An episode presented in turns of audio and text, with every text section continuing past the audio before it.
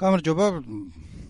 დღეს ძალიან გამიკვირდა თამარო შენ ჩემი სტუმარი არ ახარ აქამდე ნამყოფი და წარმოგიდგინე როგორც ჩემი ერთ-ერთი საყვარელი სტუმარი და მე მივხვდი რომ პოდკასტში არ არ გვიბაზრია საერთოდ იმიტომ რომ ვინც თვალყურს გვადევნებდი ცოტა ხანი გქონდა არტარეაზე პოდკასტივით რაღაცა ტიპი იყო ორ სტუმართან ერთად და იქ ყავდა სტუმრად თამარი ოღონდ რეალურად ორჯერ იყო სტუმრად იმიტომ რომ ერთი კაცი მაჩავწერეთ მე რაც არ გამოვიდა იმიტომ რომ თამარის ბრალი არ იყოს ტექნიკური პრობლემები იყო და ა ძალიან კარგი გამოხატულება ქონდა მაგ ტექნიკურ პრობლემას. ვიზუალი არ ვარგაო. ეგეთი გამოხატულება იყო და სახალისო იყო, რომ სტუმრად ხარ პირველ ისეთ გადაცემაში, რომელსაც ვიზუალი აქვს და ის არის რა, აი კომპლიმენტის ძალიან საწინააღმდეგო სათქმელია. ვიზუალის პრობლემა შენი პრობლემა არ იყო და სტუმრის სამგარემოს. ხო, მე შემეძლო ეგრე აღმექვა. ნუ ახლა მაგ თომას დაგიძახეთ პირველ რიგში, არ აღიქონდა ჯიგარი ხარ. მოკლედ, ახლა დავიწყებთ უკვე თემაზე გადავალთ. თქვენ უსმენთ ნიკოს პოდკასტს, მე ვარ ნიკო ნერგაძე, თავიდან ხუდი მოვისმინოთ და მე დავიწყებთ საერთოდ.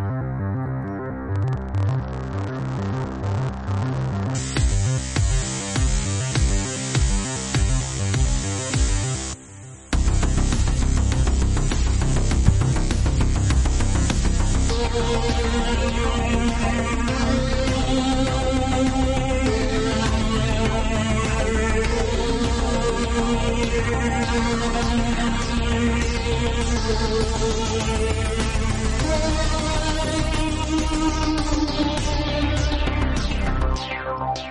ვინც ბოლო დროს გვისმენთ ხოლმე და შეატყობთ რომ თქვათ თემები როგორც ასეთი მაინდა მაინც აღარ აქვს მაგრამ ზოგადი მიმართულება გვაქვს ხოლმე. და თამარი არ წარმოადგენს წესიერ თამარ ნიკოლაიშვილი პროფესიით პროფესიით პროფესიით პოლიტიკური მეცნიერი და საქმებული როგორც სოციალური მედიის მენეჯერი და ვილაპარაკებთ პოლიტიკაზე.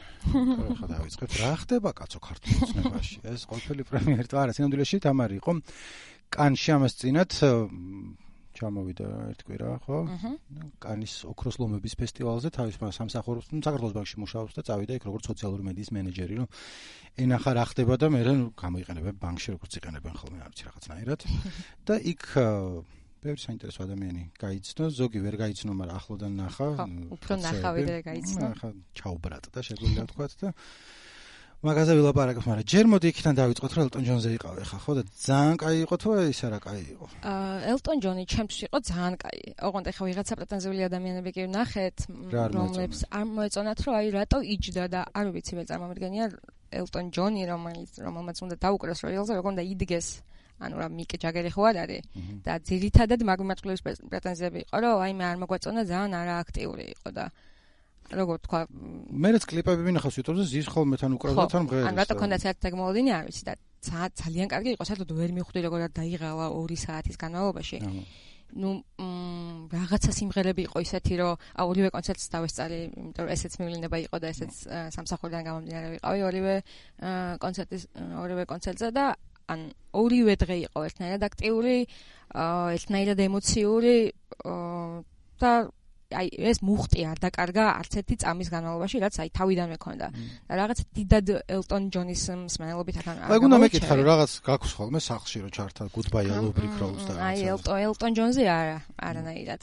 ხო და იმდენ მოახერხა, ну საერთოდ ლაივი კარგი ფენომენია იმისთვის, რომ ვიღაცა შეიძლება მოსმენელი არ ქონდეს მანამდე, მაგრამ შეიყვარო, გააჩნია როგორი პერფორმანსი აქვს იმ ლაივზე. ელტონ ჯონმა მოახერხა ეხა ძალიან ისეთი არის, რომ ჩემი აზრი შეცვლა ელტონ ჯონმა მოახერხა, მაგრამ აქამდე მარც ქონია ელტონ ჯონზე დიდად აზრი.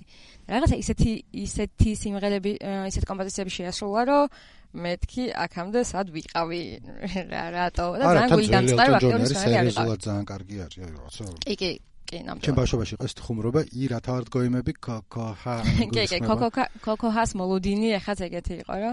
არა და მე რომ უსმენ ბავშვობაში მეც მეგოიმებოდა, ნუ მეტალი და რაღაც თუ რაღაც ახერხავს არა და მე რამდენიმე წლის წინ ტექსტ დაუგდე ყური უსმენდი და არის აი ულამაზესი სიმღერა გულ გატეხილი რაღაცა გაშორებაზე ძალიან მოიტანა რაც პერიოდი მო კოკოჰას უსმენდი სერიოზულად და მე ბავშვობაში არ მქონდა დივაისი საიდანაც მუსიკას შევარჩევდი მე თვითონ რა მომესმე რაც მინდა და ის.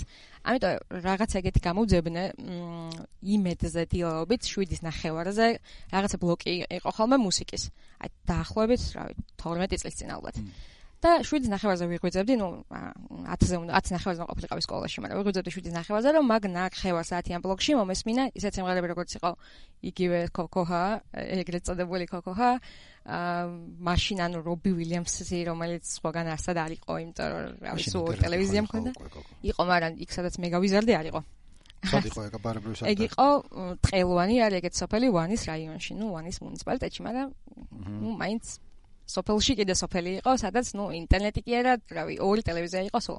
და ნუ გიწევს რომ ადგე 7-ის ნახევარზე რომ კი, კი, 7-ის ნახევარზე ვიღვიძებდი ზუსტად მაგიტო, რომ თან ძალიან ლამაზი კლიპი ქონდა მაქსიმალურად, sacrifice ქონდა ძალიან ლამაზი კლიპი და ძალიან მომწონდა. ნუ ინგლისური არ ვიცოდი, გერმანულს მასწავლიდნენ სკოლაში, ნუ სწავლითაც გერმანულს არ სწავლობდი, მაგრამ ეგენი ეგენი მარტო გერმანულს მასწავლიდნენ და აა ინგლისური არ ვიცოდი, მაგრამ რაღაცნაირად იმდენად ემოციური იყო და იმდენად კლიპიც უთავსდებოდა იმ ემოციებს, რაც მოქონდა თვითონ სიტყვებს, რომელიც არ მოსმოდა, ძალიან მომეწონა მართლა მაგის გამოვიდა. 90-იანების კლიპია, ხო, ეხლა რო გამახსენდა, რაც ძალიან წაფენილი კადრები რო არის. დრამატული და ტიტული კაცი და ახლა ქალისებდიან დროს ხედან. აი, კიდე ის მას freedom, freedom. მოკლედ, კაი პლეილისტი იყო იმედზე. ჯორჯ მაიკლი აღარ ჩამოვა ახლა. პრინციპი ჯორჯ მაიკლის კონცერტზე, ნუ რო გასოცხლზე ჩამოვიდეს, ახლა მაგის გამო, მაგრამ ისე ნუ ჯორჯ მაიკლი ელტონ ჯონზე მეტად ვიცოდი მანამდე ასე რომ წავალ აუცილებლად. ო. და რამე ის იყო სიმღერა რომელიც ყველაზე უფრო მოგეწონა? აა კი იყო. ნუ იდეაში ხო არის რომ ესეთი არააქტიული მსმენელისთვის ხო არის რაღაცა პაპსა სიმღერები იგივე sacrifice ან sorry ან your song. აა ძალიან გაყურებული ყავი ლივონით რომელიც აი რაღაცა 8 წუთის განმავლობაში უკრავდა რა. და თვითონ კომპოზიცია ხო ძალიან ლამაზი არის. მე არის. ხო. მე მითქვი? ხო. ანუ ძალიან კაი სიმღერა არის.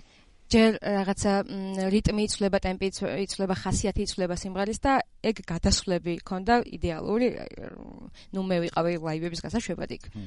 და ძალიან არნდოდა რომ მეორე დღეს მაგ სიმღერის ლაივი გამეშვა, იმიტომ რომ ლაივის გაშვების დროს შენ ვერ აქცევ ყურადღებას კი ნამდვილად და ძალიან გამიხარდა რომ ინტერნეტი არ იჭერს იქ წესიერ და გავთი შეშუა სიმღერა და მე განვაგრძე ბედნიერად მოსმენა. ოპს, მევლენება რა რა გავაკეთო უი, უი, იმედი მაქვს, ვინმე ჩემი ჩემი უფროსი არ მომისმენს, რომელიც ეხა იმაზე ამ მეთქულზე არის და უკეთეს არტისტებს უსმენს ალბათ.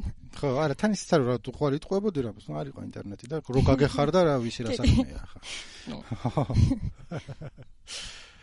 თვითონ ის პონტიც კაი არის ხო კონცერტის რა ჩადიხარ რაცა მე ძალიან მიყვარს ლაივები მოკლედ ის ის იმ კატეგორიას მივეკუთვნები ვისაც შეუძლია არ ჭამოს მთელი თვის განმავლობაში ოღონდაც საყვარელი ბენდის კონცერტზე ასასვლელი ფული მოაკრავს და ლაივი იმდენად აუცილებლად ესე უნდა თქვა იმდენად მისწორდება და იმდენად მაბედნიერებს რომ შემიძლია რაღაცა ნახევარი ცხოვრება გავწირო მოსალოდნელი ლაივისთვის.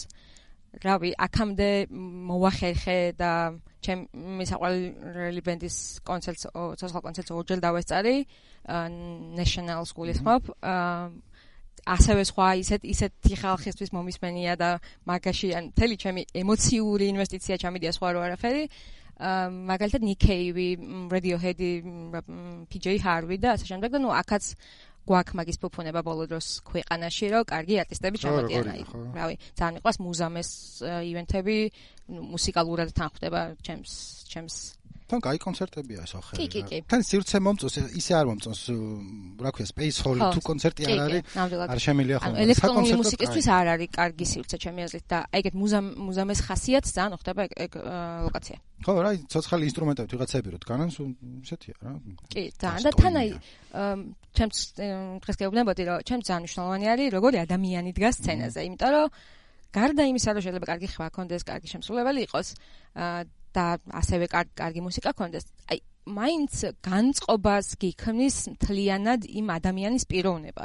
აა და მუზამას ჩამოყავს რაღაცა კაი ადამიანები რა დაგვირებული ვარო რო ემეგობრებოდი სიამოვნებთ ეგეთ ხალხი ჩამოყავს არავინ. მოლი ნილსონი ხოჯოს ელტონ ჯონია ეგეთი როგორც წამიკითხავს მაგაზე ელტონ ჯონის ერთი ფიშკა არის რასაც აკეთებს რომ ვიღაც მაგისი ნაცნობი თუ ძალიან გადაუბერავს ნარკოტიკებში და სერიოზული პრობლემები შეექმნება ეს მიათრევს ხოლმე ριჰებში და ნუ საიდან ის ემინემი წაიყვანა ერთხელ ემინემი გადაარჩინა ელტონ ჯონმა მოკლედ იმიტომ რომ ემინემი იყო თავის რაღაც ოპიატებზე თუ რაღაცასაც იჯდა და ბოლოს ამ თავის ვერტფრენდ გადააფრინა სადღაცა მიიყვანა და უთხრა შენ აქ იქნები და მორჩებიო და ეს უცნაური ელტონ ჯონის ადამიანობით აქაც კმაყოფილები არიან აი მიუხედავად იმ стереოტიპებისა რაც შეიძლება ელტონ ჯონთან დაკავშირებით ქონდეთ აი მძღოლები იყვნენ ძალიან ბედნიერები რომ ელტონ ჯონთან მოუწიათ ურთიერთობა მაგალითად რაც ყველაზე ნერვების მომშლელი მაგაზე ხუმრობი გეი ჩამოდი. გეი კი არა, სერ ელტონ ჯონია ერთ-ერთი ყველაზე დიდი მომღერალი. კაცების კაცი მე ვიტყოდი. ხო და თან გეია თუ არ არის, ყველა არიან, არ არის, რა მნიშვნელობა აქვს რა, ყველაზე ნაკლებად ხალაპარაკო ელტონ ჯონის გეობა მის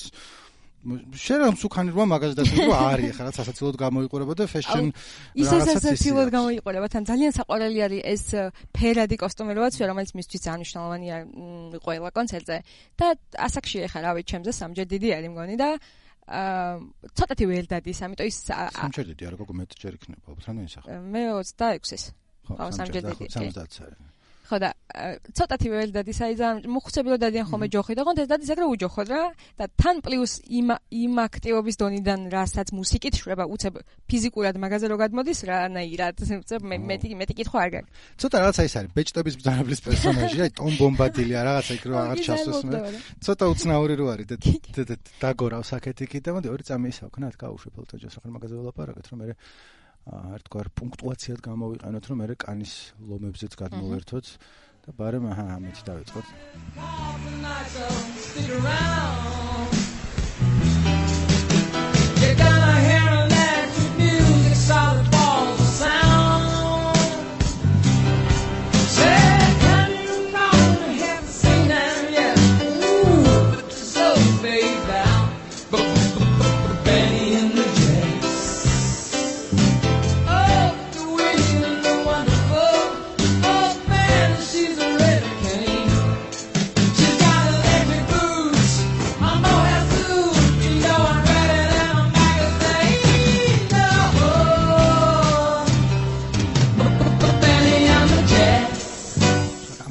ცნობილი მის ამღერებს ბბ ბენის რო ამბობს მაგრამ აი მაგრა აკეთებს რა ეხა რას ამბობ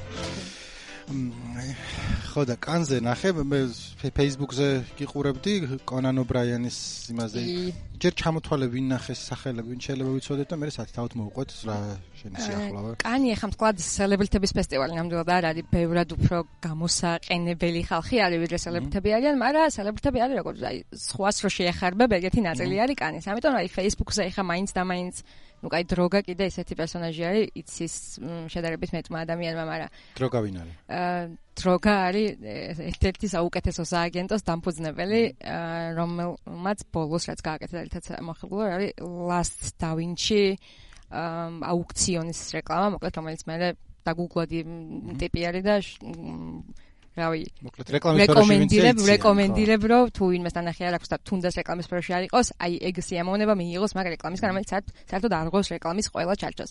ხო და მოკლედ შეიძლება ის ტიპები უფრო ღირებულები არიან მაგრამ Facebook-ზე მაინც celebrity არის უფრო გამოსაჩენი ადამიანი. ხო და მქონდა ეგ ბედნიერება რომ ბავშვობის სიყვარულები მენახა მოკლედ როგორც არის კონან ობრაიანი ან დეივიდ შვიმერი იგივე ფრენსის როსკელერი ან არა ბავშვობის ახლანდელი კრაში ჩემი თანდი ნიუტონი კრაშიდან ნო სხვა სხვა კრაშიდან ან ვესტვოლდიდან ან მაგას ბევრი ბევრი ფილმიდან შეიძლება გახსოვდეს. თუ არის ვესტვოლდში შავკანიანი მთავარი გმირი ერთ-ერთი ვინც არის შავკანიანი კაცი რო არ არის და ქალი როა აა ხო აი არ ვიცი იცი თუ არა გრეის ანატომია ელენ პომპეო გაი ვინც არის მოკლედ მაგ სერიალში. ვინც იცის იმას. ხო, მე მე ჩემთვისაც არ არის ღირებული პერსონა, მაგრამ მაინც მაინც მომიწია. ვიღაცები ვისაც არ წავედი, იმიტომ რომ ზუსტად იმიტომ რომ უფრო ღირებული თოქები იყო ვიდრე სელებრიტის თოქი არის კევინ კოსტნერი მაგალითად ან ნაომი კემბელი. ნაომი კემბელი დილით იყვარა და ძილი ვაჩი იმენა და. ხო, ძალიან 90-იანები.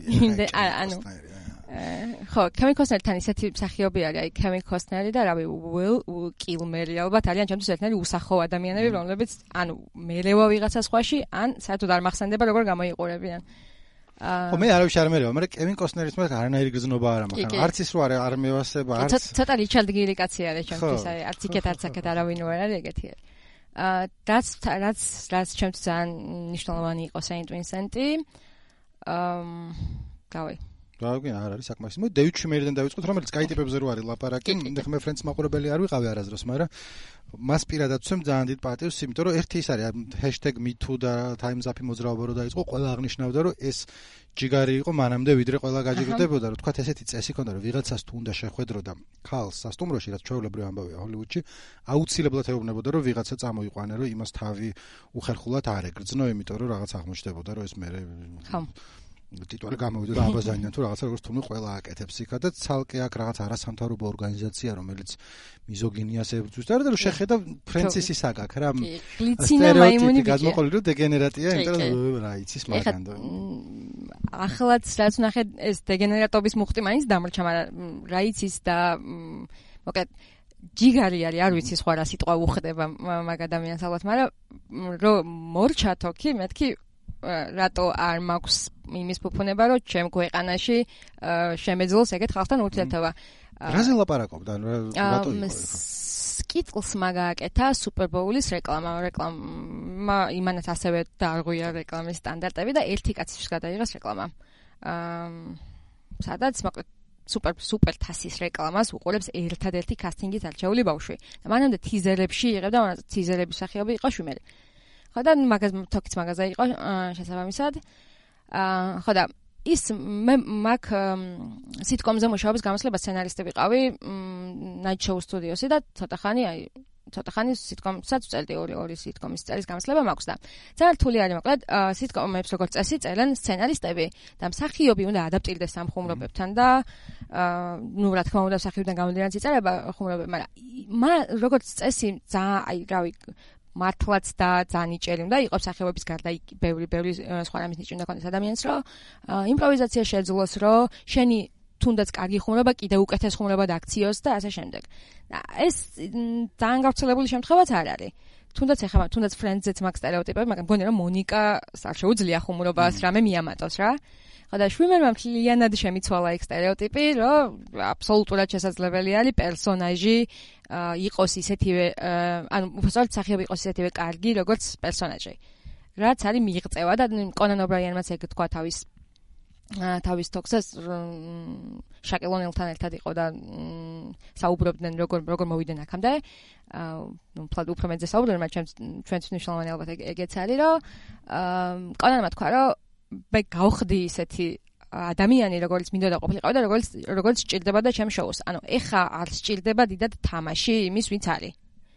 ხო მე უყურებ ხო მე კონანზე გადავალ კიდე რომ ცალკე ჩემი სიყვარულია და მარკო შოუებს არ უყურებ არამედ რაღაც აუთეიქებს და რაღაცა რო არის და ეთყობა კიდევაც რა ტიპია მაგრამ შვიმერზე მინდა მოbrunდო რომ ეგენი თან ჭკვიანები აღმოჩნდნენ ძალიან ერთი პერიოდი თუ არ ვწდები იყო ფრენცი ან ყველაზე ძვირადღირებული სატელევიზიო შოუ ან ერთ-ერთი ყველაზე ძვირადღირებული. ან უფრო ძვირიჯდებოდა თითო სერია ფრენცის ვიდრე Game of Thrones-ი ჩდება ახლა ან Westworld-ის ან რა თითქოს რა არის სიტკომია ხო, მაგრამ რატო რომ ამათ დადეს შეთანხმება ერთმანეთთან, რომ არავინ სხვაზე ნაკლებს არ აიღებდა არასდროს, რაღაც ნაირი კონტრაქტი ქონდათ, რომ კარგად მოელაპარაკნენ ტელევიზიას და ბოლოსკენ თითო სერიაში თითო მსახიობი იღებდა მილიონ დოლარს, აი ეგრე რა, ყველა მოჭრილთან ხარ.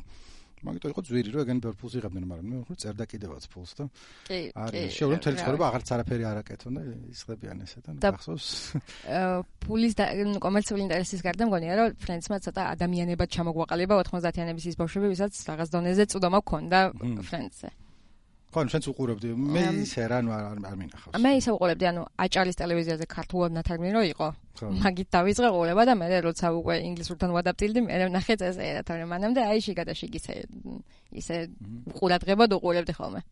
თან იმას რა ქვია მეორე შვიმერი რო არ არის და მეორე მსახიობი რო აი ყველაზე ჩენდლერი. ჩენდლერი ხო.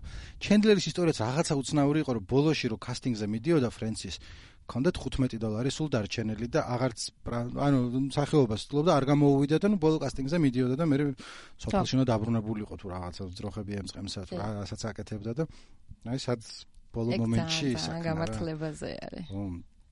და ეგეც რაც ყველანი ჯიგრები გამოდგენ გარდა იმ ქალისა და იმასაც რას ვერჩი ხარ მე მეც რას ვერჩი არანაირი დადასტურებული ინფორმაცია არ მაქვს მაგრამ აი შინაგანად არ მევასება რა თუ არის თუმცა ხა აქ რო იყოს არ ვიტყოდი. ა ისე სიტკომებში არის ისეთი მაგალითად ოფისი არის სიტკომი რომელიც სხვა ფორმატის სიტკომი არის და მსახი კასტი სამსახიობო გუნდი თან არის რაღაცა ან პროდიუსერი ან საერთოდ შოურანერი ან მოკლედ ძალიან ჩართულები არიან იმ ყველაფერში, რასაც მარტო არ ასრულებენ რა.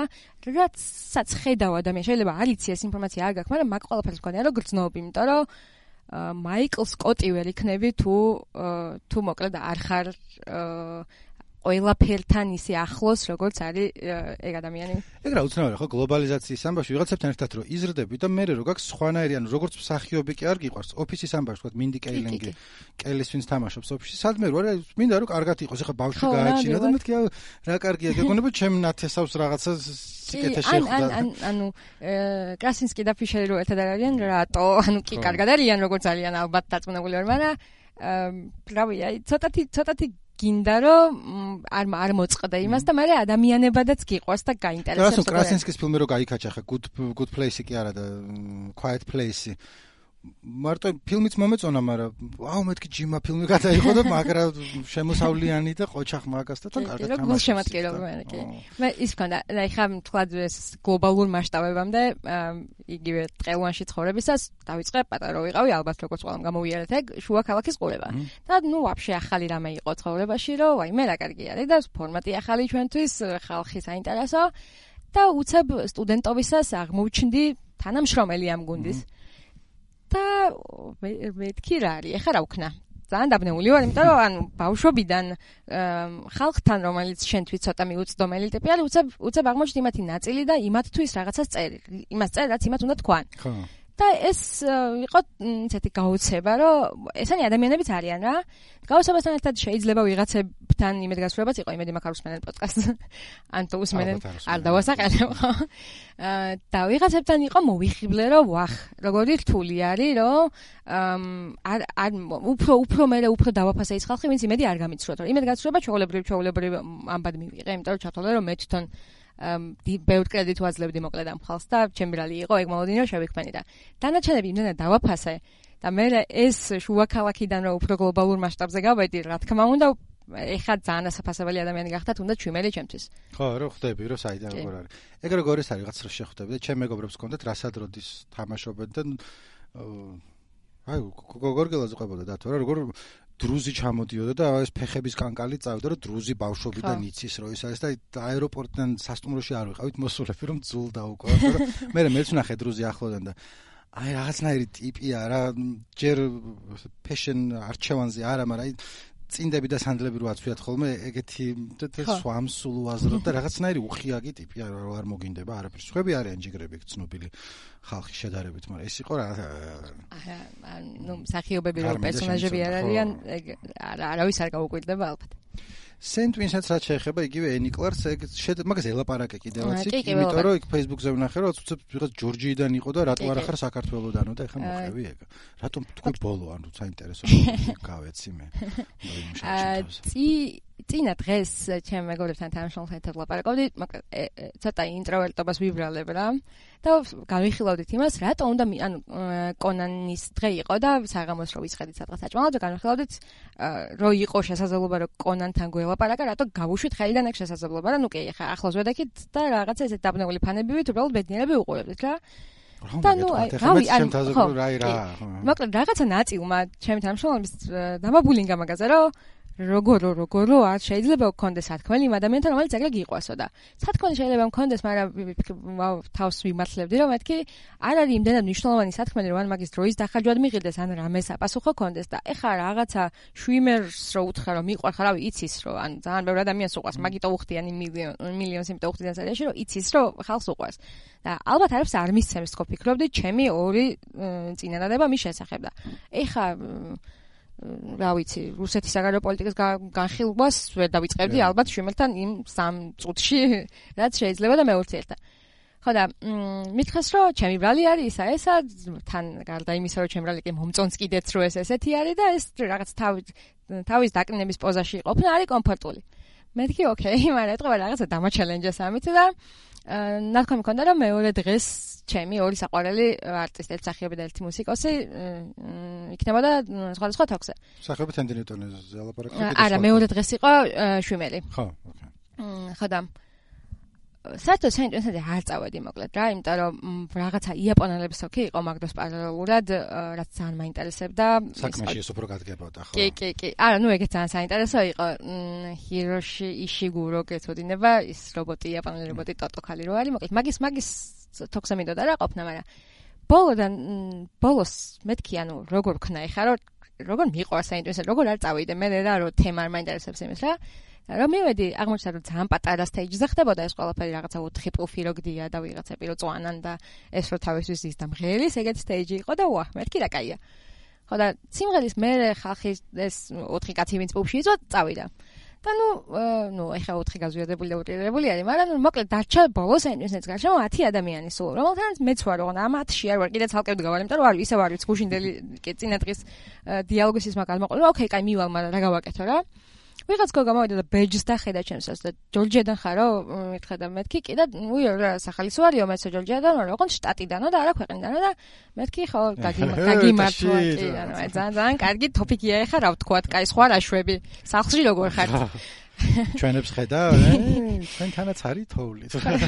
ეს გამბედავი გოგო აღმოჩნდა რომელიც მივიდა საინტერესენთან და ურხა რომ ეს რაღაც კეთრინი ვარო ჯორჯიადანო და თუ შეიძლება ვარო ავტოგრაფი მომეცია და რომელი ჯორჯიადან ხარ მართლა ემან შტატიდანო და უიო რასაწყენიო და მეთქი უკაცრავად რატო? ეხლა თამარ შენი ჯერია ეხლა უნდა გამოხვიდე ან აი ვარდა გაიხსნა მაგრამ რო გავიდე რა რა ვქნა ეგეც არ ვიცი და მოკლედ ამას ავტოგრაფი რომ მისცა რაღაცა მოცხოთ ხალია ხისკენი შევძახე რომ მეთქი მე ვარ საქართველოსდან ხო და რატო გაინ რატო იცით მეთქი საერთოდ საქართველოსდან რატო გაინტერესებდათ მეთქი ქართლის ნახოთ ხო და ვიღაც ქართველი ნახე რომელსაც ჩემი ყველა ფელი მოსმენილი აქვს ეგეთი ფანია ცხოვრებაში არ მყოლია მე მგონი მაგრამ მაინტერესებს მაგალითად ვინ არის ეს და მით ან დავინტერესთიო საქართველოსთიო და შენც ოიცე ჩემ მუსიკა მეთქი კი მაგიტო ვარ აქ.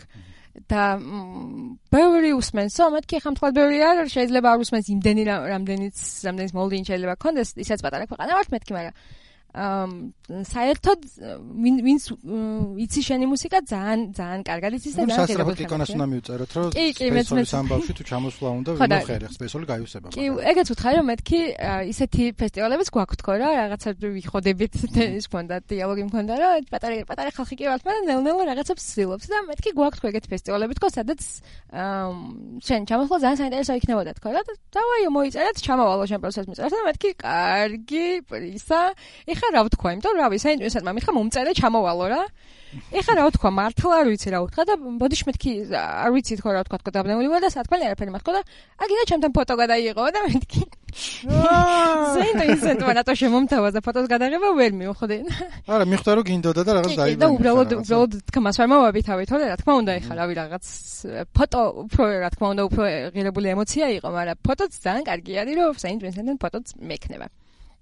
და მეც ვაპირებ რომ კიკონას მიწერო ან ვერ მიშელს რომ იქნებ საინტ ვინსეთ შევეხმიანო ხო მეტი ვინ გინდათ ახლა მე არა ვარ ლაივების კაცი ცოტა სულერთია ჩემს მაგრამ რაზეც წავიდოდი ნეშნალი ნიკეები ნახოთი ხარ და აი სენ ვინსენტი კიდე იგივე ნიკლარკი ძალიან ლამაზია ხო ახლოდან. ძალიან ძალიან ლამაზია კი და თან მარტო ლამაზია თან ისეთი რო არის ჭკვიანი რო არის და თან რაღაც გასული და აი ძალიან ადიდებს მოკლედ შენს თვალში ყოველას როცა ხედავ რომ რაღაცა ინტელექტის დონე მიმედი არ გაკიცრუა და საინტერესო მოსაუბრეა კეთილი ადამიანი არის და ძალიან სასიამოვნო არის ეგ შეგრძნება რომ რავი რა კარგი ხალხი არსებობს მე ეგრე ფოტოზე მჭირდა. Tiger Lilies რო იყო აი ფილარმონიაში ჩამოსული ინტერვიუ ჩავწერე ძალიან კაი გამოვიდა სხვა შორის თავს კი არ გვიმოვიდა პოდკასტის რაღაცა ეხა კიდე ჩამოდიან მარჯანიშვილის მარჯანიშვილის ხო მაგის ბილეთები არ ამაქვს იმიტომ რომ მე მგონი გაყიდეს აღა უკვე გაყიდული იყო მე მოვასწარი კაკას კანში ვიყიდე საწრეფოთან აი გადარიცხვა რო არ ხორცელდება ეგრე მოვასწარი ძალიან მიხარ თან იქ მაგარი იქნება რომ მე ორჯერ ავარ ნამყოფ ერთხელ პრაღაში სწორედაც რომ სპექტაკლი იყო თან ჩეხურად არ მესმოდა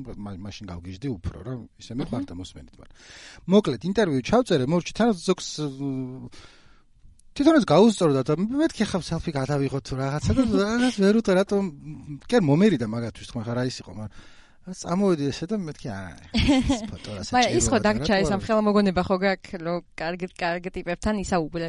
თავარი არის მაინც მოგონება და არა ფოტო ეს არის ჩემთვის ყველაზე უფრო ძულს ხალხი და ბოდიში ყველასთან იმიტომ რომ ნახევარი ეგრე აკეთებ თუნდაც კონცერტზე რომ მობილურებით გახარ ეს ოხერი ჩამოწიე რა ერთხელ ახარ კონცერტზე და ნუ რას რას იგებ ამით ისე მე დავისაჯე პირველად ნაშნალის კონცერტზე რომ ვიყავი აი ყველაფერი გადავიღე გონდა არ ნიშნავს რომ არ მინახავს იმიტომ რომ პროსტა მეჭირა ეს ტელეფონი და ისე ვიქნები და ალბათ საშინელებები გადავიღე მაგრამ დავისაჯე, იმიტომ რომ ეს ტელეფონი გამიტყდა მე რაღაც აეროპორტში დამივარდა და არც ერთი არც ერთი ვიდეო არ მაქვს მაინც რატო გადავიღე საერთოდ აი რა მინდოდა? სამაგერ მეორე რო წავედი ერთი კადრიც არ გადამიღიარავია თუ აზრი რა არის? მე უნდა ჩაჯდე და კომპიუტერში უყურო იმას დაშორებსაც იყავი უკვე ხედა ნუ ლუისი კეის აქ მაგაზე ეს სტენდაპი რო აი რატო რატო იღებთ ხალხო HD-ში შეგიძლიათ ნახოთ ხო და ეს ბავშვის იმაზე. პრობლემა მეორეჯერ ვლაპარაკობთ ამაზე ჩვენ კი არა რაღაც ერთხელ მოიყვანა სიტყვა მანუ მე ვიმეორებ ხოლმე ყველაფერს ჩემი ორიგინალური აზრები არის 5 და სამე წელია პოდკასტი მაქვს ამ ძირითადად ერთ რეგიონალ რაღაცას ხვევი ხოლმე. ნეშნალ კონცერტი ძალიან კაი იყო თუ ისე რა კონცერტი იყო. აა ჩემ მეგობრებთან დანაშაულებენ სუბიექტურობაში. მაგრამ იმდანად მიყვარს შეიძლება სუბიექტურიც ვარ, მაგრამ სუბიექტურად თუნდაც ძალიან კაი იყო. თვალსაზრისით იყო ძალიან კაი, ხო? ბედნიერესი ვიყავი, იმიტომ რომ თან ეს მეცი არის, მგონია რომ ლოთია, იმიტომ რომ ყველა კონცერტზე ანუ ლაივზევე სვამს ესე ბოთლები. ყველა სიმღერაში სვამს და რა ვიცი. კი, კი, ხო და აი ძალიან რა უნდა წინ პირველ კონცერტზე მახსოვს რომ დარბაში ისროლა ბოთლი ღვინის. ანუ არ ვიცი უკან რა მოხდა მაგრამ ძალიან წინ მიდექი რა. მაგრამ იმდენად ემოციური იყო ჩემთვის. ჯერ აი იქ ვიყავი იცად ვიყავი? ჰოლანდიაში რაღაცა რენდომ სოფელში. down the rabbit hole არის ეგეთ ფესტივალი საერთოდ როგორ მივაგენით მაგას მე და ჩემი მეგობრებმა წარმოადგენა არა მაქვს რა ხო და იქაც ის იყო რომ აი საიდან ჩამოხვედით რომ ვინ ხართო ამდენ მაღალ და ლამაზ ადამიანში მე და ჩემი მეგობარი განსხვავებული გარეგნობის ხალხი ვიყავით და ვინ ხართო გვეკითხებოდნენ ხოლმე და რა ვეუბნებოდი რომ ეს საქართველოსდან ვართ ყოველს ეგონა პრიორში რომ მართლა ან state georgia-დან ვიყავით და რო იგებდნენ რომ ვიღაცა სტუდენტი ბავშვები აქ მაგის მასასმენად ჩავიდნენ, ესე რატო გიყვართ, იმიტომ რომ ის ფესტივალი მაინც ან ვიღაცა ისეთ ჰედლაინერები ყავდათ, ვისაც ეს ტიპები უფრო აფასებდნენ. ეს რომელი წელია? ნაშენალი? არა, მარც ან 2015. ნუ ახლა ნაშენალი დიდი ბენდია უკვე რა. კი, კი, კი, მაგრამ ნუ მაინც რა, PJ Harvey-ის მოსასმენად მაგალითად უფრო მეტი იყო ალბათ, ვიდრე ნაშენალის ან აღარ მასო რაღაცა მოკლედ აღარ აღარ კარი ფესტივალი ყოფილა რა. კი, კი. ხოდა აა იმდენად კარგი იყო თან ბოლოს სცენიდან ხო არის ვიღაცები backstage-დან ფასარა თვალს გადანებდა და ბოლოს set-list-ის ფურცელი რო ვიღაცის უნდა მიეცათ აა ეთყობა იმდან ემოციურები ვიყავით მე და ჩემი მეგობარი მთელი ამ კონცერტის მოსმენისას და იმ ხელა რაღაცა იყო ეგ ჩვენთვის რომ აი პერსონალ ჩამოვიდა და ესე set-list-ი მომცა რომ აჰა შვილო წაიღეო შენ იყავი კარგადო ეგლე მომცა set-list-ი მე მგონი იმას ჩამოდი და ქვევით მისტერ ნოემბერზე ხალხში. კი, კი, მისტერ ნოემბერზე ხალხში ჩამოდი. მეორეჯერ რო ვიყავით, მე უკვე ცოტა მაღლავი ჯექი მიქარი და ცუდად გავს ვიყიდები ერთი და არა სტენდინგ არეაში, მაგრამ ჩემმა მეგობარ, ჩემმა მეგობრებმა იმღერეს მეთთან ერთად don't follow the cap იმღერეს, მე მგონი აღარ მახსოვს რა იმღერეს. და მე კაი სიმღერა იქნებოდა თვითონ არ აქვს ახლა. ჩამოდის რაღაცა თვითონაც ერთობა და სიამოვნოს. მაგრამ დიდად ფანებთან კომუნიკაციის მოსულნე კაცს არ გავს. და ალბათ რა რთულია ფანებთან კომუნიკაცია კიდე. ხო, ალბათ მობეზლდება. რომც იყო ეგეთი რაღაცა ეტაპზე, ანუ აი ნიკეიუზე მაგალითად, ნიკეიუზე ბევრი ბევრი ჩემი ნაცნობი ვიცი, ვინც ყოფილა, იმიტომ რომ რავი. მეთი არის ჩვენთვის კი და ტურნე ტურნე აქ ბოლო წელს და დიდი ტურნე ქონდა. ხოდა ჩამოდის ხოლმე ნუ აი Red Right Hands-ზე ან Whipping Songs-ზე რაღაცა Whipping Songs-ზე ჩამოდის ხოლმე და ხალხს აძლევს საშუალებას რომ შეეხოს, ანუ მართლა მართლა იქ ხდება და აი მეტყობა ცოტა ეტყობა რომ აი მობეზლდა. კი უსწორდება და სიამოვნებს მაგრამ თან მაინც მობეზლდა. ხო რამდენი ხანია ისო ხერ 93 წლიდან თუ როდის იყო ეს birthday party რო ჩამოყალიბდა თან ჯიზიზა ტიპია ესეც. კი აი მართლა მართლა ღმერთი არის. აა ის ის მახსოვს რომ როგორ არის ის ლაინი can you feel my heartbeats რო მღეროდა მაგ დროს ვიღაცების ხელები თავისით მიქონდა თავის მკერდთან რა ოღონ ამას ისე გრაციოზულად და დიდებულად აკეთებდა მართლა მეგონა რომ რაღაც ხმი რაღაც სფეროს ღმერთი იდგა მოკლედ სცენაზე და როგორ მიჩვეულია მაგას. როკსტარია ვინც დარჩა უფრო თქვა მაკარტნი და დილანი ცოცხლები არიან ღმერთს მოკარგეთ ამ ყოველს რა რომ ეს კიდე სხვანაირად ესე აი დევიდ ბოუის სტილის ტიპი რო შემხედეთ ნახე. კი აგე ვინა ვარ იცის ვინც არის იმას რომ მოუბრუნდეთ მეც არ საერთოდ მეგობრები რაზე გეჩხუბებოდნენ რომ მიფიქრე ახლა რომ ვიღაც რო შევხვდე რა რა უნდა უთხრა რა რა სათქმელი მოკლედ კონან ობრანის რა რა არა და ამას წინათ რაღაც ვიდა რაღაცებს ვაკეთებ ხოლმე მოკლედ. სომხეზე უნდა გამეკეთებინა და ფიქრობდი რომ ცნობილი სომხები ვინმეს და პირველი გამახსდა სარა მოვსესიანი რომელიც არის კონანის თანაშემწე. იმის იქ იმდა სკეჩებში ყავს ხოლმე და იქიდან ვიცი და ანუ ვიცი რა მინახავს რასაკეთებს მაგრამ რო ჩამს ვერციაზე რას ვეწყრო ძალიან მომწონს თქვენი კავაი არ ვიცი. ნი კარგად იყავი რა აუ იმას ოფისზე კი ოფისი კი ვახსენებ უკვე და ჩემ მეტყო მეტყობა ძალიან შაბეჭლების ქვეშ ვარ. მან დარი ეს სერია მაიკლ სკოტი მიდის რაღაც ბიზნეს ტრიპზე მიდის ნიუ-იორკში და იქ ყובה, რომ აი ვიღო, ვინ შეიძლება შეგხვდეს როგორი აქტიული ცხოვრება არის და ნებისმიერო შეიძლება შეხვდეს მაგ რაღაცა tonight shows რაღაცა fake fake თინას გაეკიდება და მაგ დროს უკან ჩაივლის კონანი რა. ო თინა ფეია მიხდა არ არის აშკარა და უკან მეჯდუ პროჩი ჩაივლის. კი, კი, და ისე ვითომ ცაკარაფარი კონანი, კონანი არის ერთ ეპიზოდში, სადაც პროსტა ჩაივლის უკან, როგორც კონან ობრაიანი და აი ვისი უფრო მშურდა არის ძველი მოკლედ კონანის რომელმაც მაიკლ სკოტი ნახა თუ მაიკლ სკოტის რომელმაც კონანი ნახა და უცებ აღმოჩნდა რომ მეც მეც შემეძლო კონანის მოსმენა ახლოდან არ ვიცი ანუ ინტერაქცია არ მქონია მიუხედავად იმისა რომ ხალხს მიისცა ინტერაქციის საშუალება მე მაინც ცოტა ცოტა მოშორებით ვიდექი და ბედნიერი ვიყავ იმის რომ კონანს ხედავდი. მაგრამ აი ალბათ არ ვივარაუდებდი არასდროს სანამ უშუალოდ ფაქტის წინაშე არ აღმოჩნდი რომ კონანს ნახავდი ცხოვრებაში აი ვინკე შეიძლება კიდე ჩამოვიდეს საქართველოში, იმიტომ რომ ეხლა თვითონ გადაცემას, ნუ ხმე YouTube-ზე უყურებ ხოლმე, TBS-ი არ მაქვს. ხოც არავის არ აქვს ისე. არავის. საათიანი გადაცემიდან ნახევარ საათამდე შეამცირა, რომ მეტი დრო იმოგზაუროს. იმიტომ რომ ეს travel show-ები აქვს ყველაზე მაგარი, როცა ფრთები აქვს გახსნილი, მაშინ არის ჯიგარი და ეგეთ ჩამოვიდეს, სომხეთში ხო იყო? კი, კი, ჩამოვიდეს. ჩამოვა და სომხეთში იყო ძალიან სასაცილო. კან ბავშვებს დავახვედრებთ. ხო, რა ღამის შოუში ჩაუწყერო, იმის სულ ერთია რაღაცა საპნის ოპერაში იღებს ხოლმე მონაწილეობას რაც არის რა. კი.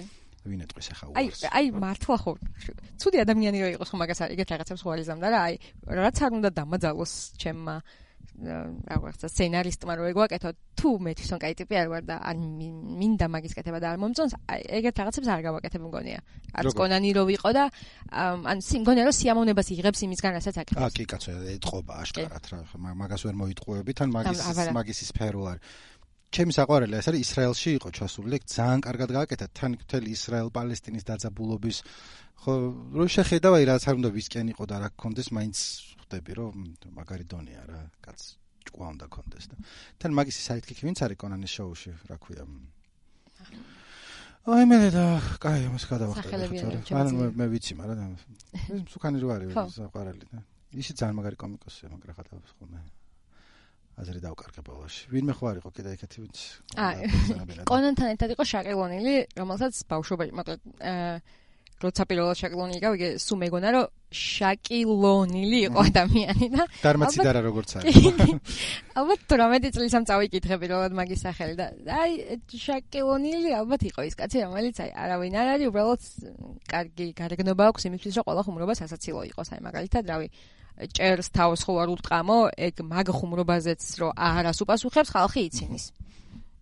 აი ვინ არის ჯიგარი, ვინც ჩამოთვალე, ითვლება რომ შაკელონელი არის ამერიკაში ერთ-ერთი ყველაზე ჯიგარი ტიპი. რა რაში გამოიხატა? ერთხელ მახსოვს, აი ჯერ კიდე Twitter-ი ახალი დაწყებული იყო, რომ ვიღაც ტიპები წერდნენ რომ მოკლედ ამან დატვიტა რომ ჩემი ფოლოვერები ხართ ვიღაცა ეხა ბარში ოგვერძეო და მოდი თუ აქო და ორი თეთრი ბიჭი იყო რაღაცა მიუძხდნენ და რა თქმა უნდა ფოტოები ერთად გადაღებული და მე ეს ბლოგში ქონდა დაწერილი. ერთ-ერთი ყვება რომ ცოტა იმედი გაუწვე იმას იმედი ქონდა რომ ერთად წავიდოდნენ მე ან შაკილონი მოიქრო წავიყვანო ამათ უარი უთხრა ამათ არ კი რომ ფოტოები გადაიღნენ გადასხდნენ უკან და ის ახლა აღარ დაუწყო ხვეწნა რომ წამოდითო უცხო ბიჭებო სადმე წავიყვანო მაგითია ცნობილი რომ აი ძალიან ჯიგარია და ყველასთან კარგად არის და თან ხო ის არის ხო ზორმაზარია ხარ თასავით დგას იქა და კი ხო და ჩემთვის ცოტა ის მთელი მთელი ამ პერსონის מחასიათებელი ძირითადად მის გარეგნობა აღმოჩნდა და აღმოჩენე რაც YouTube ვიდეოებზე ვიდეოებში არის მოკლედ იგივე იგივე ადამიანი მგონია ზუსტად ეხაც უშუალო შეხების მერეთ.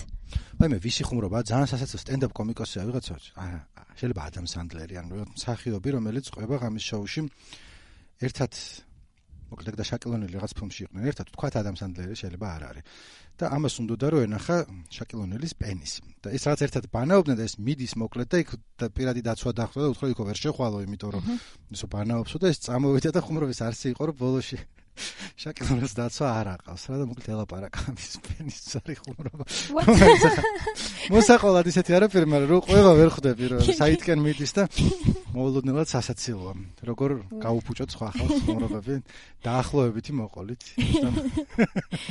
ძალიან თულია ხუმრობის მოყოლა მე მეორე ტიპი რა ძალიან არის როცა როგორ ყვები იმაზე აა მე მგონი გავიდით ბოლოში. თუ კიდე ვიღაცა შენ ისეთი ამბები მე არაფერი მე ვანიდან ჩამოსული დელი შვიდის ნახავარ და იმედს უყურებდი. მე რა ხო მეტმა მომცა თავისი სეტლისტი ენი კლარკმა შენთან ჩამოვალ საქართველოსში და ნუ ე უბრალოდ ეხა კანი ეს სხვა შესაძლებლობების შეხედე დავადე და მე ელტონ ჯონმა მიმღერა იორსონგი თვალებში მიყურებდა ორჯერ. არა ნუ ძირითადად კარგი სამსახურის ამბავი უფრო იმ კომპანიის რომელიც აი თანამშრომლების კომპანიის განვითარების იმედი თანამშრომლების განვითარებაზე ზრუნავს. ხო მაგრამ მარტო ეხ ხო არა ნუ შენ თაცხოდადი ხარ ხა საითქენ მიყავს რა სამსახურს კი არ ვაკნინე პირიქით მაგრამ ხარ ხომ ხალხი წუწუნებს რა რა რა გინდა ხარ რა ხარ თვითონ ხარ ხარ მდიდარი შენ თავს ხარ მარა ნო არასდროს. კონებრივი დეკლარაცია რო შეავსო ბევრი არაფერი და ბავზე ქვემოთ ალბათ ხო და რა გინდა? რა ხო და არა კი აი რავი თუნდაც ის ის მოახერხე ცხოვრებაში და ტომიორკის წინ ვიდექი კონცერტზე და მართალია მანამდე რაღაცა აუ საშინელი ბენდის კონცერტი იყო რაღაცა როიალ ბლადი რომელზეც სლემი იყო ტომიორკამდე და ამ საერთოდ არ მინდა არაფერი არ მაქვს ამათი მოსმენი რაც მომწონს რა ისეთი ისეთი ხალხი არის მაგრამ აი სერიოზული ფანები ყავს ამ კონცერტზე და ამ სლემში საერთოდ გამიქრა ტომიოკის მოსმენის განწყობა თან რაღაც თვითნავი გვიან ჩავიზიარეთ წავედი და ამიტომ რაღაცა გვიან ჩაფრინდა მე უცებ თელი ერთი კვირის ფული რომ მატარებლის ბილეთში უნდა გადაიხადო იმიტომ რომ მე არ გამაზო ისიც მინიხარ და საშნა განწყობაზე ვარ მაგრამ მაინც აი წინ რაღაცა შევეკვეხეთ ისე რომ არც კლუბი გვინდა არაფერი არ გვინდა რა. სად იყავი პრიმავერაზე თუ ოპენერზე მაშ პოლონეთში ხო პოლონეთში ხო და ნუ მოკლედ იაფ ფესტივალი არის შედარებით და ეს ისა ტომიოკამდე ეს ხო იყო და განწყობა ხო წამეთა და მე იყო ასევე ჩემი ერთ-ერთი საყვარელი არტისტი ჯეიმს ბლეიკი რომელიც სასწაულად მიყვარს რედიო რედიო ჰედამდე და ძალიან ცუდი ყოფილა როცა ჰედლაინერის წინ ხა ფაქტობრივად გამხურებელი იყო მართლა იმიტომ რომ ჯეიმს ბლეიკი გიზდა ერთ სრულად გავიდეს იმიტომ რომ აი ტომიოკი უნდა მოვიდეს რა და რა ჯეიმს ბლეიკი და გვიან რო იაზრებ რომ ჯეიმს ბლეიკისაც მოусმენ მაგრამ არ გახსოვს საერთოდ ტვინში არ აზის რომ რაღაცა რაღაცა ეგეც მომენტ მაგის კონცერტზე ჩახვიდოდი ცალკე.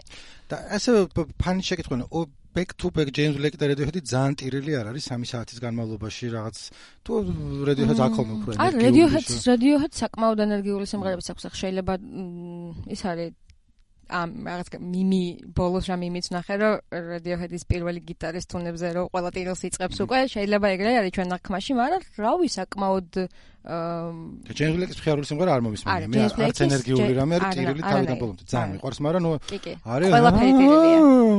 კი ყველაფერი ტირილი არის და უფრო ტირი როცა ისტორიას ყვება რატო დაწერა სიმღერა ვის მოუზონ და აი გონია რომ სამყაროში ყველაზე უბედური კაცი დრამა კვინი არის ჩვეულებრივი მაგრამ Radiohead-თან ერთად Radiohead-ი მოკლედ უფრო აქტიური იყო. შეფასტიოს მოუხდებოდა, იმიტომ რომ დაახლოებით ერთი დონის არტისტები არიან ორივენი და სულ თუ გინდა რომ 3 საათიან ტირილ ფესტი უნდა მოაწყო. აი ტირილ ფესტი რომ მეტი პრასტოტი. ასე უნდა მოусმინო აუცილებლად, მაგრამ მაგაზეც უნდა წავიდე ასო.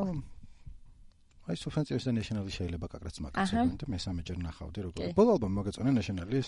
აა ძალიან მიყვარს, საერთოდ ბოლო ალბომის ტურნეზე ვიყავი ბოლოს მაშე ბერლინში კონდათ კონცერტი და ძალიან ძალიან მომეწონა რაღაცა სიმღერებმა გადაფარა მაგალითად მაგალითად the day i die ან